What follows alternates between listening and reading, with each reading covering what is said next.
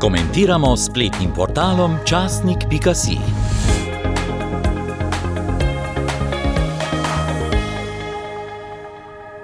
Danes smo izbrali komentar Jakoba Primožiča, ki nosi naslov Pogrebščina po eutanaziji. V spominu mi ostaja neka starejša ženica, ki je v pogovoru povedala, da ima tistih x evrov prihranjenih za pogreb, da ne bodo drugi imeli stroška z njo. Poskrbela je za svoje otroke do trenutka, ko so lahko sami poskrbeli zase. Tisti trenutek pa ni želela, da bi jih obremenila s stroškom svojega pogreba. Namesto, da bi si na jesen življenja privoščila kakšen izlet, priboljšek ali nov predpasnik, je dajala na kupček za pogreb.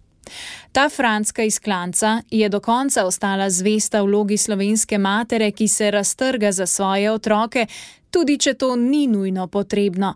Zakaj se mi je zdelo vredno začeti z opisom enega od našemu narodu tako poznanih arhetipov? Kaj ima cankarjanska mati skupnega z vprašanjem eutanazije? Lahko bi začel s statistiko, pa primerjavo z drugimi državami, mnenji zdravnikov in njihovih organizacij, teološkim pogledom, ampak vse to le prepričuje prepričane. Dejstva pri vprašanju eutanazije niso v prvem planu, v prvem planu so čustva. Vsak izmišljen primer, ki ga uporabimo za utrjevanje argumentov, je izgubljen primer, če se ne dotakne ljudi. Kaj pa se bo dotaknilo ljudi? Kakorkoli grozno se sliši, je to najprej strah in takoj zatem sočutje. Ali imamo razloge za strah? Po mojem mnenju, ja. Kljub vsem varovalkam, ki jih predlog zakonov predvideva, nismo sposobni oceniti, ali gre pri odločanju za samomor za dejanje svobodne volje. Uživimo se v vlogo detka. V mladih letih ste nekje na podeželju, pa vseeno blizu Ljubljane, se zidali hišo, v njej vzgojili svoje otroke, jim na stara leta odstopili hišo in ostali v dveh sobicah, kar je za vaše potrebe čisto dovolj. Danes ste obnemogli. Kakšen korak ali dva še naredite? Potrebujete pomoč pri umivanju, pripravi hrane, želeli bi si še nekoliko več družbe.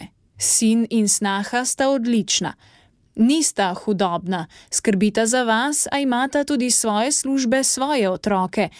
Nekoč ste vi previjali njega, danes on vas. Včasih pojamrajo. Vsak drugi dan pride tudi gospa iz pomoči na domu, ki jo plačajo. Vsak dan je enak. Ko ste bili mladi in polni moči, ste bili vse mogočni. Danes je en kup dela že s tem, da ostanete živi in čisti in da vam je udobno. Otrok vam ne morejo dati v varstvo, za štrikanje štumfov tudi niste, neke hude koristi pač ni več od vas.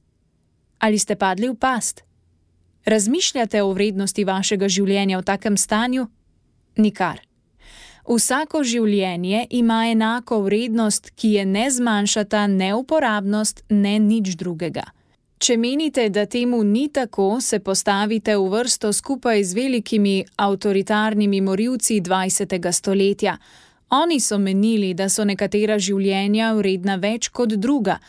Eni blaginjo, drugi koncentracijska taborišča. Nacistična akcija T4 je pobijala najšipkejše, otroke s posebnimi potrebami, duševno motene, invalide, s tako imenovano milostno smrtjo. Ampak to ni strah, ki me navdaja. Zaupam, da smo tako daleč, da je državni program za pobijanje zgolj neutemeljen strah. Bolj se bojim pritiska, ki ga bodo starejši čutili v sebi. Nimam vrednosti, ne doprinašam k družini, strošek sem, od mene ni koristi.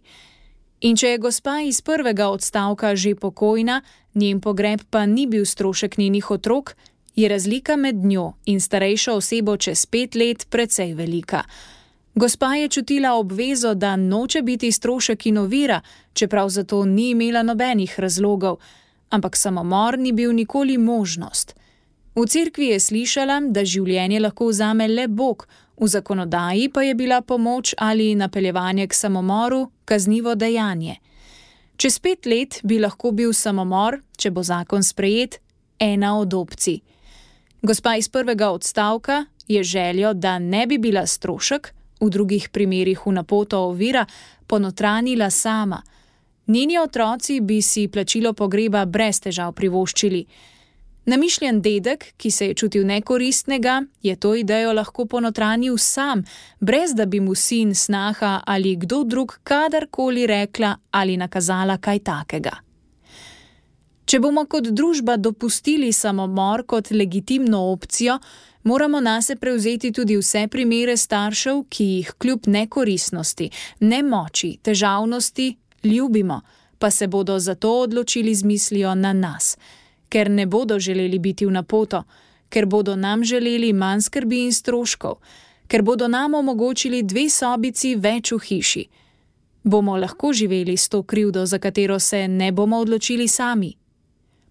Na mesto zaključka pa, gospa iz prvega odstavka je umrla, pogreb so plačali iz njenih prihrankov, po pogrebu pa so šli na pogrebščino. Seveda so pogrebščino, kjer se je jedlo in pilo, plačali otroci. Tudi nov predpasnik in pogreb bi, ampak se je mama odločila po svoje. In ko se bo namišljeni dedek eutanaziral, bo sledil pogreb. In kljub njegovi skriti želji, da ne bi bil na poto, da ne bi bilo stroškov, da ne bi bilo dela z njim, bodo otroci, ki so ga imeli radi, priredili pogrebščino, si z njo dali veliko dela in stroškov. Če omogočimo samomor kot opcijo, bo mnogo starejših pod pritiskom.